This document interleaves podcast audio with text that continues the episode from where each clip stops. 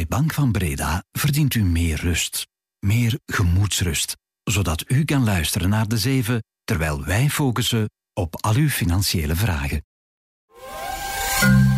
Welkom bij de zeven Eindejaarsweek. Dit is Bert Rijmen. Goedemorgen en welkom bij deze speciale week van de Zeven. We blikken namelijk vooruit naar 2024. Wat kunnen we verwachten op internationaal economisch vlak en wat gaan de beurzen doen volgend jaar? Vandaag richten we onze blik op de Belgische politiek. Er staat namelijk een knoert van een verkiezingsjaar voor de deur. Regionale, federale, lokale en Europese verkiezingen in ons land. Dat wordt lekker druk. En dan heb ik het nog niet op de daaropvolgende ongetwijfeld aardsmoeilijke regeringsformatie. Wat kunnen we verwachten van dat politieke jaar 2024? Om die vraag te beantwoorden heb ik twee gasten uitgenodigd. Algemeen hoofdredacteur Isabel Albers van de Tijd en Lekko. Dag Isabel. Dag Bert. Hey. En ook tijdcolumnist Rick van Kouwelaert heb je nodig voor zo'n analyse. Goedemorgen Rick. Het is donderdag 28 december. Welkom.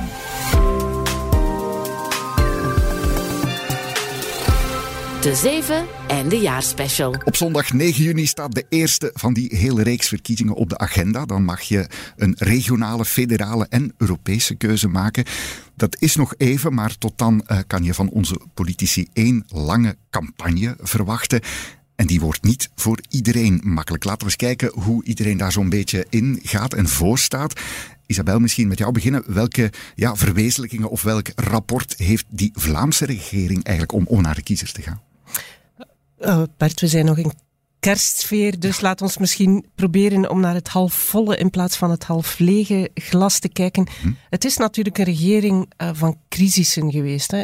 Corona is er geweest, maar we hebben een crisis gezien in het onderwijs, crisis in de zorg, welzijn, ouderenzorg, jeugdzorg. Uh, heel veel noden die niet of niet voldoende uh, beantwoord worden naar het gevoel van uh, heel veel mensen.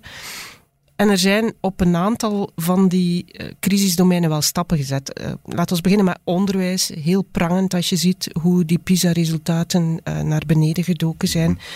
Daar is wel een invoering van de centrale toetsen als realisatie toch belangrijk, omdat we veel beter gaan kunnen ja. zien um, waar het niveau werkelijk ligt. En dan kan je beginnen met remediëren.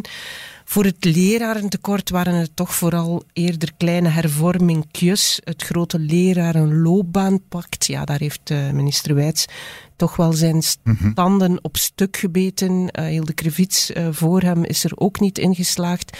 En dat hebben we toch wel nodig. Je zit er natuurlijk met uh, vakbonden die heel erg conservatief zijn in onderwijs. Laat ons niet vergeten dat we voor die verkiezingen ook sociale verkiezingen hebben. Dat zal zeker een rol spelen in de, in de campagne. Dat zal het niet bepaald makkelijker maken om uh, een beetje toenadering te zoeken over wat er moet gebeuren. Als ik dan even kijk naar welzijn, ja, dat budget is enorm toegenomen. Je ziet dat Hilde Krevits wel uh, op een aantal zaken die heel erg in crisis waren, uh, kinderopvang, wat er allemaal gebeurd is in de crèches, ouderenzorg, probeert orde op zaken te stellen, maar dat is echt crisisbeleid dat met heel veel geld uh, moet verholpen worden. En ja, waar die regering niet kan mee uitpakken, is dat we nu op structureel niveau er zijn voor de grote noden van deze tijd. En je ziet bijvoorbeeld ook qua mobiliteit hoe de lijn ja, er heel belabberd aan toe is. En dat maakt mensen boos. Dat, dat gaat over de nabijheid ja. van mensen. Ze zien dat er 5000 euro subsidie wordt gegeven voor wie zich een elektrisch, elektrische auto kan mm-hmm. kopen. Maar de buslijnen worden afgeschaft. En dat is toch wel uh, heel erg jammer. En je ziet dat dat armoedebeleid uh, met haken en ogen aan elkaar hangt. Dus... Um, op zijn zachtst gezegd toch een zeer gemengd bilan voor die Vlaamse regering. Ja, Zeker nog uh, room for improvement zou je daarop kunnen zeggen. Is dat ook jouw indruk, Erik? Absoluut, absoluut. En het, het eigenaardige is dat die, die coronacrisis, die heeft eigenlijk al die zwakke plekken blootgelegd in die andere sectoren die uh, Isabel genoemd heeft. Mm-hmm. Onderwijs, uh, ouderenzorg. Dat is daar plots allemaal daardoor acuter geworden. En men heeft dat plots geconfronteerd met een situatie die natuurlijk al jaren aan het verslechteren was. Want als je de PISA-resultaten bekijkt en je bekijkt die curve, ja, die begint al jaren geleden, hè, die curve naar beneden. Dus men, men kan niet zeggen, dit is een verrassing. Mm-hmm. Nee, dat zat eraan te komen. Alleen heeft die coronacrisis dat allemaal nog verscherpt. Met als bijkomend element natuurlijk dat die, die regering intern geen samenhang vertoonde. Waarom? Omdat ik had de indruk altijd dat, P van de, A, dat de NVA liever aan het afrekenen was met, met zijn twee coalitiepartners. Eerst met de liberalen, want ze waren boos omdat de liberalen toch die federale regering hadden gemaakt. En ook met CD&V, dat is een oud, eh, een oud zeer natuurlijk tussen die twee partijen. Maar dat heeft gemaakt dat een aantal dossiers ook in onderwijs, hè, die confrontatie tussen het uh, gemeenschapsonderwijs en het, uh, en het katholiek onderwijs, zeg maar. Hè, men voelde dat daar, men voelde dat dat, dat, dat, dat boterde niet. Hè, daar waar dat vroeger toch op, meer op dezelfde lijn zat. En natuurlijk een stikstofdossier als uh, hoogtepunt. Ja, uiteindelijk hebben ze wel op de valreep dat stikstofakkoord gesmeed uh, met haken en ogen. Ja. En het ziet er niet fraai uit. Het zal zeer de vraag zijn in hoeverre het stand kan houden. Ja. Uh, maar dan moet je wel zeggen, het was op een bepaald moment inderdaad wat Rick zegt, heel erg dat ze elkaar naar het leven stonden. Maar ik denk dat ze uh, ja, op vijf voor twaalf ja. alle drie wel beseft hebben van jongens, we zijn hier elkaar maar... aan het dood doen. En er zijn op de valreep wel nog een paar beslissingen genomen. En vaak in functie van dan ook Ineos, hè, dat, uh, dat dossier dat men dan in Antwerpen absoluut geregeld wil krijgen, uh, het chemische bedrijf. Die kraker, dat, ja. Die kraker die er zou moeten komen. Ja. Nu, stikstof komt wellicht terug uh, op het bord van de volgende regering. Hè. Het komt wellicht terug voor de rechter.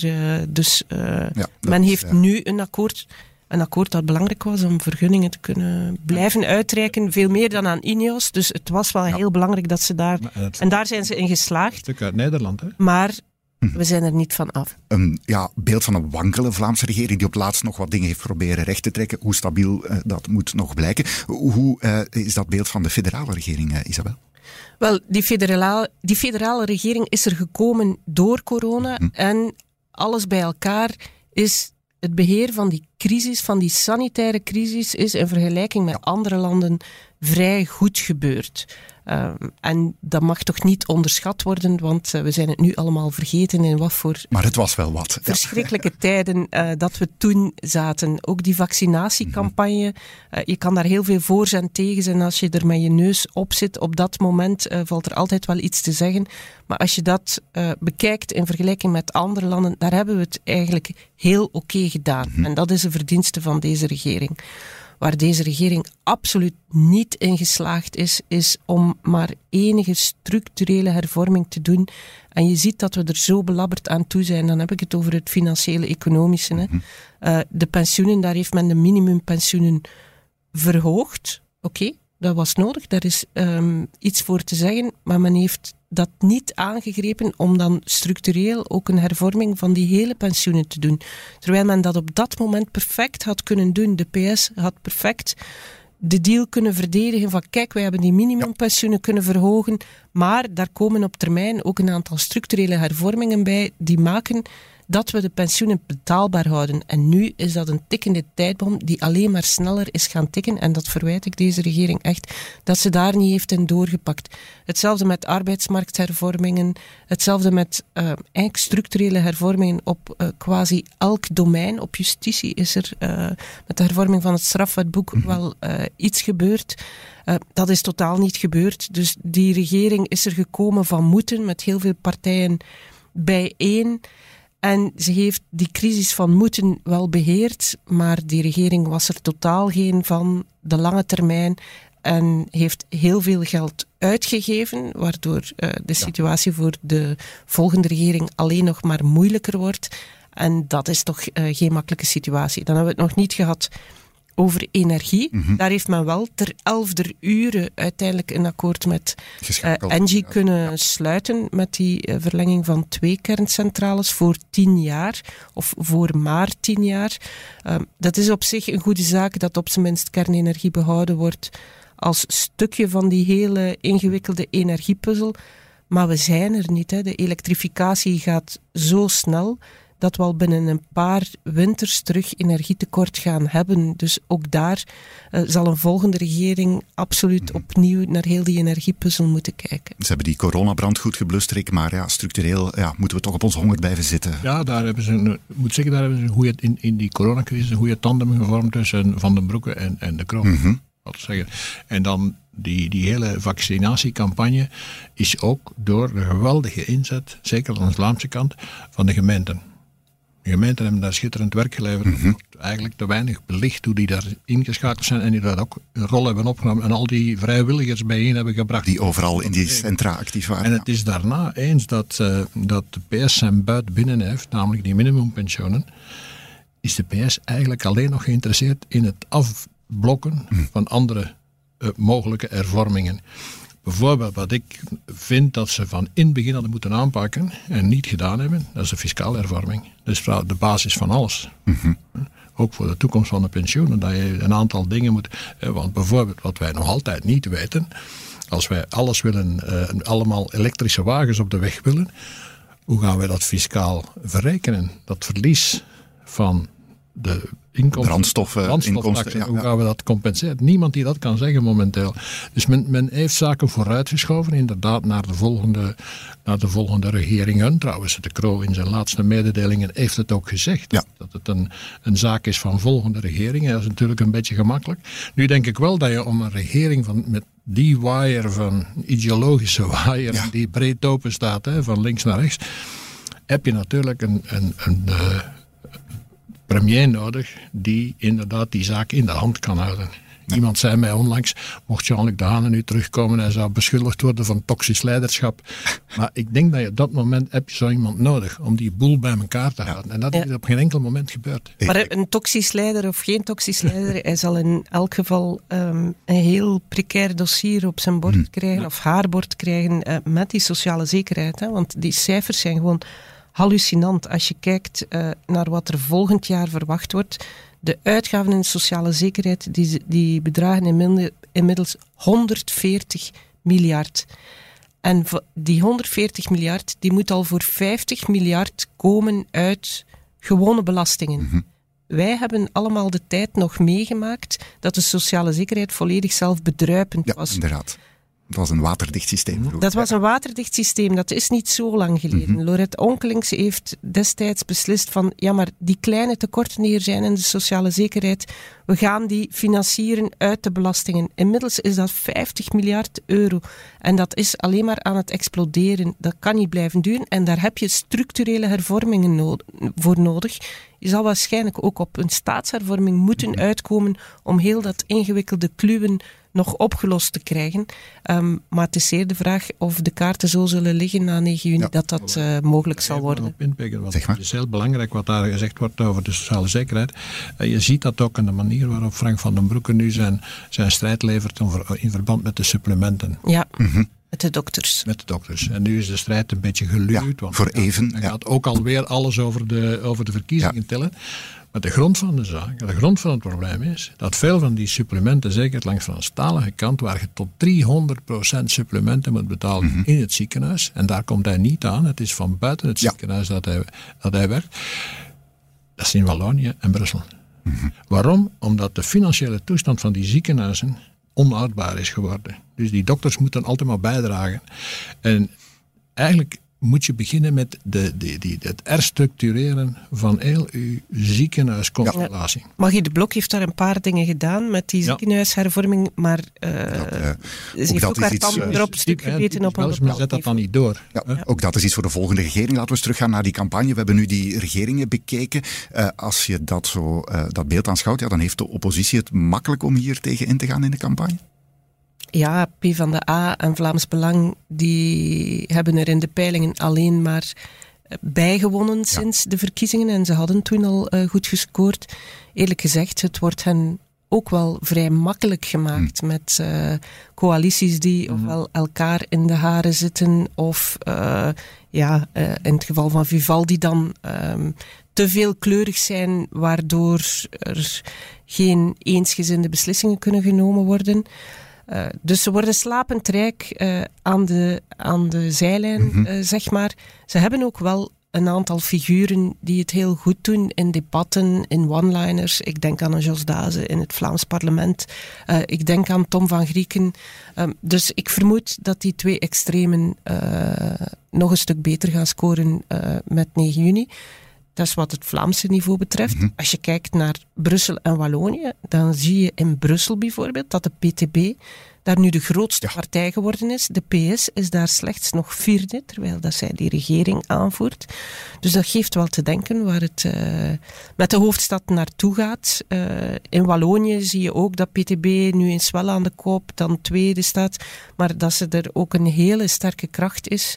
Uh, en dat zal absoluut ook uh, een, ge een, gevolg hebben voor hoe de PS zich Mhm. opstelt in federale onderhandelingen. Ja, jij kijkt ook naar Franstalig België als een plaats waar dat, ja, omdat, ja, omdat wij, wij, wij, in Vlaanderen zijn we al gewoon van ons, naar onze navel te kijken.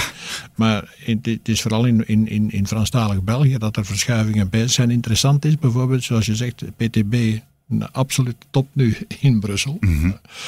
Maar niet in Wallonië. Maar daar zie je wel les engagés terugkeren. Ja. Dus de oude PSC. En je voelt nu al bij, bij, bij, de PS namelijk dat ze al flink aan het leunen zijn in de richting van die, van die engagé, om die in eventuele meerderheid, zeker in Wallonië met Groen en met Ecolo dan in dit geval, uh, te kunnen betrekken. Hm? Wat er zich in Brussel aan het afspelen is binnen de PS, dat is veel belangrijker, denk ik. Zeker als we naar, naar uh, eventueel communautaire onderhandelingen moeten gaan. Je ziet daar, de, wat zij vernoemen, de communautarisering van de politiek. Hè, de gemeenschap. Kleine deelgemeenschappen. De Marokkaanse gemeenschappen die een grote greep krijgen, een totale greep krijgen op de partijen. Met Ahmed Laouesh. Met Laouesh. Uh, in die mate zelfs dat de anderen ook al zich hebben teruggetrokken. En je voelt dat in de strijd in Molenbeek met mevrouw Moureau, hè, die altijd maar zieker wordt uh, van, van de zaak. Dus als die moeten uh, communautair gaan onderhandelen, dat wordt een, een, hele moeilijke zaak. Want de afkeer van een Lawesh voor bijvoorbeeld alles wat naar N-VA nog maar, en dan spreek ik nog niet van Vlaams Belang, mm -hmm. maar naar N-VA zweemt, is, uh, is totaal. Ja. Ik wou nog even inpikken op wat Rick zegt over les engagés. De vroegere christendemocraten die de christendemocratie van zich op, uh, afgeworpen ja. hebben, die al opge, ah, ja, helemaal afgeschreven worden, uh, ook door ons vrees ik. Ja. Um, ja, die Maxime Prévost is wel een interessant figuur. En je ziet dat hij nu een alliantie uh, gesmeed heeft uh, met Sami Medi van CD&V. Het zijn natuurlijk twee kleine partijen geworden, uh, met een roemrijke traditie, maar twee hele kleine partijen. Maar je ziet wel dat Prévost erin geslaagd is om een aantal figuren aan te trekken.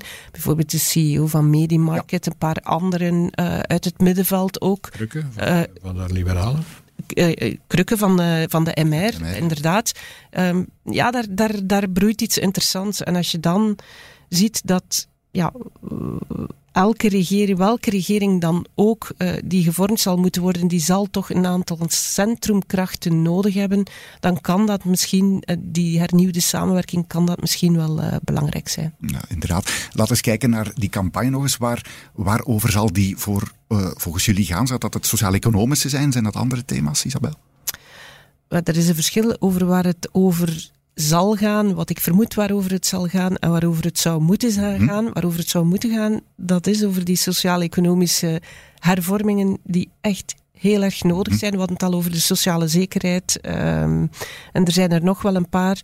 Ik vermoed dat waar het over zal gaan, ja, wel, uh, daarvoor kunnen we wel een beetje kijken naar de Nederlandse verkiezingen. Daar ging het over uh, migratie, over uw portemonnee, koopkracht. Uh, heel belangrijk, zal waarschijnlijk bij ons ook wel terugkomen. We hebben automatische indexering en toch hebben uh, mensen het gevoel dat aan een koopkracht is uh, gevreten, wat in de feiten niet klopt als je nee. kijkt naar alle studies.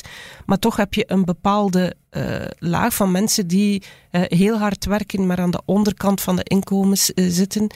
En, en daar zie je heel veel onvrede. Um, en dan een derde zijthema is misschien toch wel klimaat. Dat zie je in Nederland ook, maar dan eerder in negatieve zin. Uh, mensen die vinden dat klimaat... genoeg van hebben, zeg maar. Ja. Allemaal heel veel geld kost, die er het, het nut niet van inzien en die eerder tegen uh, ja. stemmen. Dus ik vermoed dat, dat die tendensen ook bij ons ja. gaan spelen. Je het ook, Rick, die vervreemding, om, zo onbehagen bij mensen dat in de campagne Wel, ik denk dat we altijd de gevolgen onderschatten van die extreem lage rente Al niet bestaande rente op de spaarboekjes van de mensen. Dat heeft hun enorm gekwetst eigenlijk. Dat die spaarboek op zeker ogenblik daar stond niets op te brengen. Of zelfs te verminderen, ja. Vaak terugkomt in gesprekken ook, vind ik. Maar en belangrijk is ook hoe, hoe die hele stikstofaffaire de komende maanden gaat evolueren. Want je ziet in de Kempen bijvoorbeeld, daar, staat, daar staan die Vlaamse regering en de boeren, die staan daar letterlijk ja, gewapend tegenover elkaar. Dat is een, een, heel, een heel complexe zaak, Ginder, daar in de Kempen. En in West-Vlaanderen is dat zo al het geval. Hm? Waar, die, waar die boeren nu dreigen helemaal te kantelen in het kamp van Vlaams Belang. Wat ze voor een stuk al gedaan hadden in 2019. Hm? En vergeet niet, in de tijd van de, van de dioxinecrisis heeft Verhofstadt in West-Vlaanderen, dankzij de boeren in West-Vlaanderen, de verkiezingen gewonnen. Omdat daar die traditionele CD&V-achterban ineens allemaal achter Open VLD is gaan staan. Dus ik denk dat, die, dat men dat niet in Vlaanderen niet mag onderschatten, het, eh, het, het gevoel dat dat teweeg brengt. En dan heb je die, inderdaad rond het klimaat. Mensen denken, ja, maar zeg, uh, waar stopt het hier? Mhm. Wij moeten dat huis hier volledig gaan uh, isoleren en in regel brengen met, uh, met, met de klimaatvoorschriften. En die zijn heel streng, laten we wel wezen. Uh, we zien het ook in Duitsland trouwens, hè, dat dat meegespeeld heeft bij de opgang van de AFD. Mm Dus ik vermoed dat dat hier bij ons uh, een grotere rol zal spelen dan, dan gelijk wat. Ja, een, een campagne met dat soort van thema's. Um, die uh, zullen we de volgende maanden hebben tot en met 9 juni. Laten we eens een soort fast forward doen naar die zondagavond uh, van 9 juni. Um, dan uh, komen we ja, in een fase van formatie, regeringsvorming. Um, wat is een soort realistische situatie die avond, Isabel? De ervaring van de voorbije jaren leert dat het ofwel heel lang duurt, mhm. of dat we ofwel vrij snel een radicale beslissing krijgen. Ik denk bijvoorbeeld, uh, dat een voorbeeld van dat laatste is de regering Michel, hè, mhm. uh, vooral door Franstalig België dan.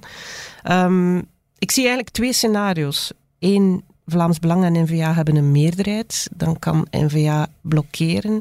De andere tot zware toegevingen dwingen en federaal ook uh, aan de PS vragen om, om een staatshervorming te onderhandelen. Magnet doet daar de deur niet voor toe. Uh, hij kan dat vragen om een precedent van uh, bestuursdeelname mhm. van Vlaams Belang, ook op Vlaams niveau, te vermijden. Um, tweede scenario is Vlaams Belang en N-VA hebben geen meerderheid dan denk ik dat er heel veel honderden dagen uh, kunnen passeren, maar dan krijg je uiteindelijk wellicht een centrumcoalitie tegen de rest. Maar dat zal met iedereen, iedereen in bad zijn. Dus dat, zal, dat belooft eigenlijk nog moeilijker, moeilijker te worden dan Vivaldi 2.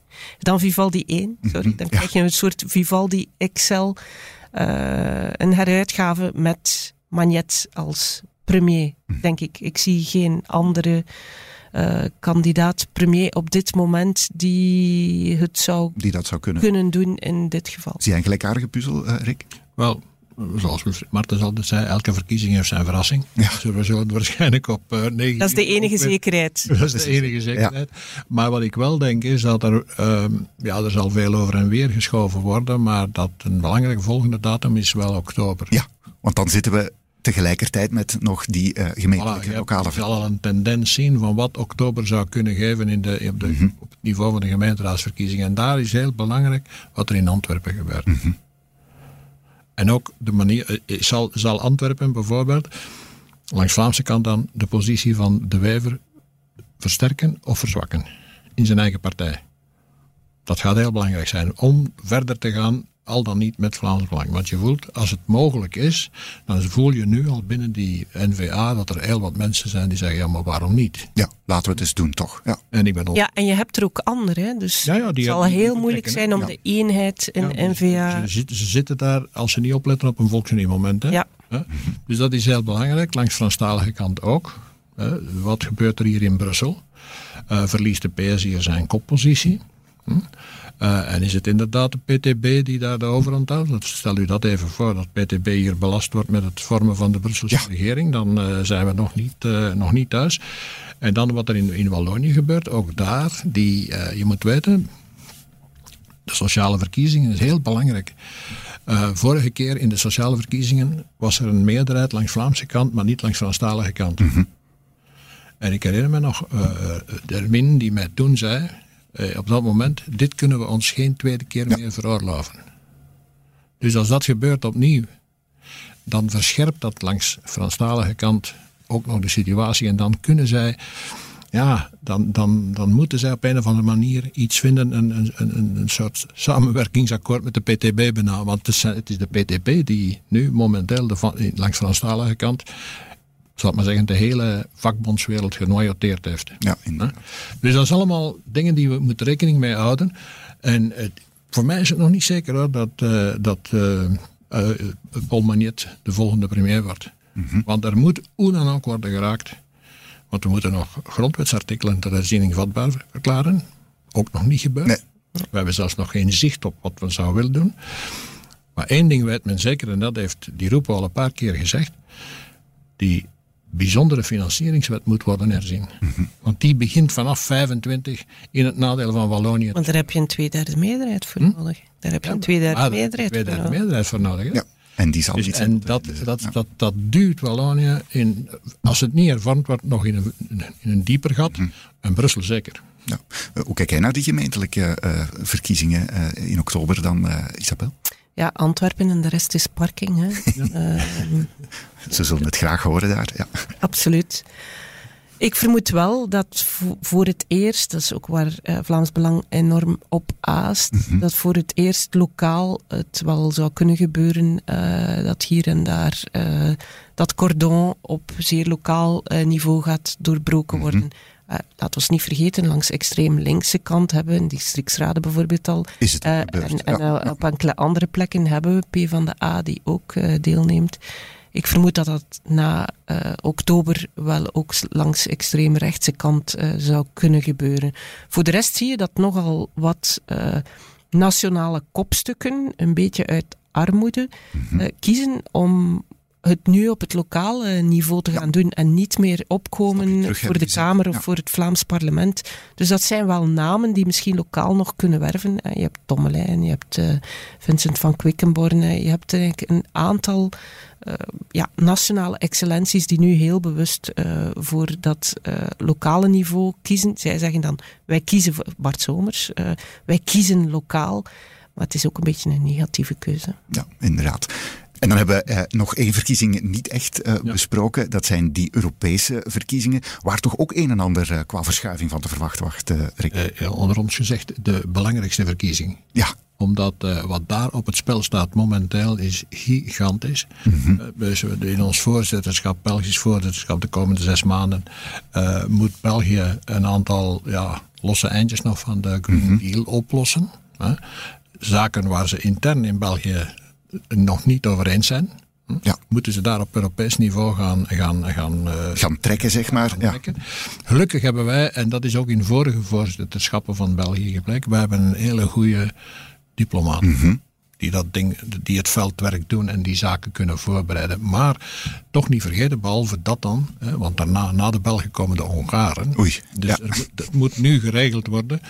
Want wat er te gebeuren staat in, uh, in Oekraïne is eigenlijk ook onrustwekkend. Hè. Je voelt daar dat dat uh, Oekraïnse front dreigt in te storten. Mhm. Hm?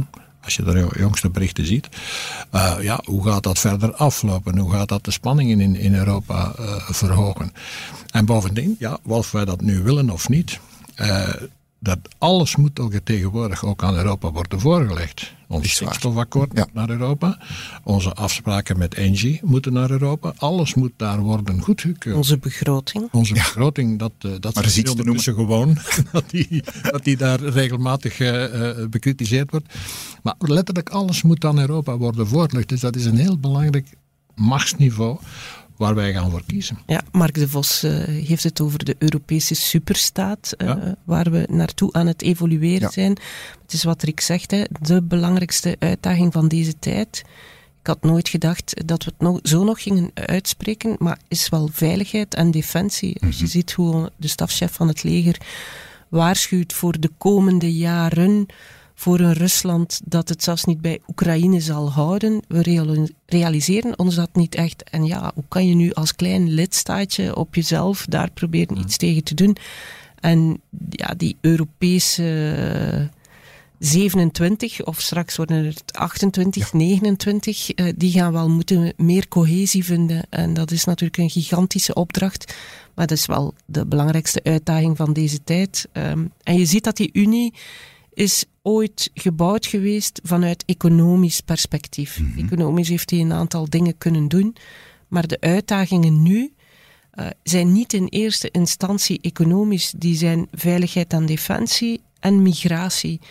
En daar zal de oplossing toch moeten van Europa komen. En ik vermoed wel dat die thema's, of ik mag het hopen dat die thema's ja. wel een rol gaan spelen, want het doet ertoe of je een heel rechtse stem daaruit brengt, of een heel linkse, of iets daartussenin. Het doet ertoe wat je kiest voor Europa. Er zijn verschillende richtingen mogelijk. Ja, en bovendien moeten we goed kijken wat er in Duitsland gaat gebeuren hoe gaan de verkiezingen daar verlopen? Hè? Want daar heb je die, die extreemrechtse AFD, ja. alternatief voor Duitsland, die aan het opkomen is, die sommige landen op de eerste plaats staan. En dan nog eens extreem linkse Wagenknecht, mm -hmm. die ook op geld maakt. Ze heeft nog geen partij, maar ze staat in de peilingen al zeer hoog gecoteerd. Dus wie gaan die naar het Europees Parlement sturen? Ja, het Europees Parlement of de Europese verkiezingen die vroeger misschien een beetje een sideshow waren, zijn nu toch uh, belangrijker dan ooit. Het wordt in ieder geval de moeite. Dat politieke jaar uh, 2024 hebben we maar zeker. Uh, absoluut bij deze al een zeer interessante vooruitblik naar gedaan. Dankjewel Isabel Albers. Graag gedaan. En ook Kijk bedankt, er naar uit. Ja, en ook bedankt uh, Rick van Kouwelaert. Graag gedaan. Morgen doen we de laatste vooruitblik naar 2024. Dan bekijken we de internationale situatie. Hebben we ook al een beetje gedaan. Gasten dan zijn oud-diplomaat, voormalig kabinetchef van de Koning Frans van Dalen en chef politiek en economie hier bij de tijd Jasper Doren. Kijk er ook al naar uit. Voor nu alvast een fijne dag en tot morgen. Dit was een eindejaarspecial van De Zeven met Bert Rijmen. Productie door Lara Droesaert van op de redactie van De Tijd. Bedankt om te luisteren. Morgen zijn we er weer. Tot dan.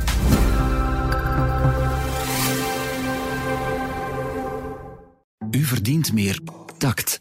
U verdient meer contact. U verdient meer oogcontact met uw financiële partner, die ook oog heeft voor uw financiële situatie. Ook u verdient meer Bank van Breda. Professioneel en privé.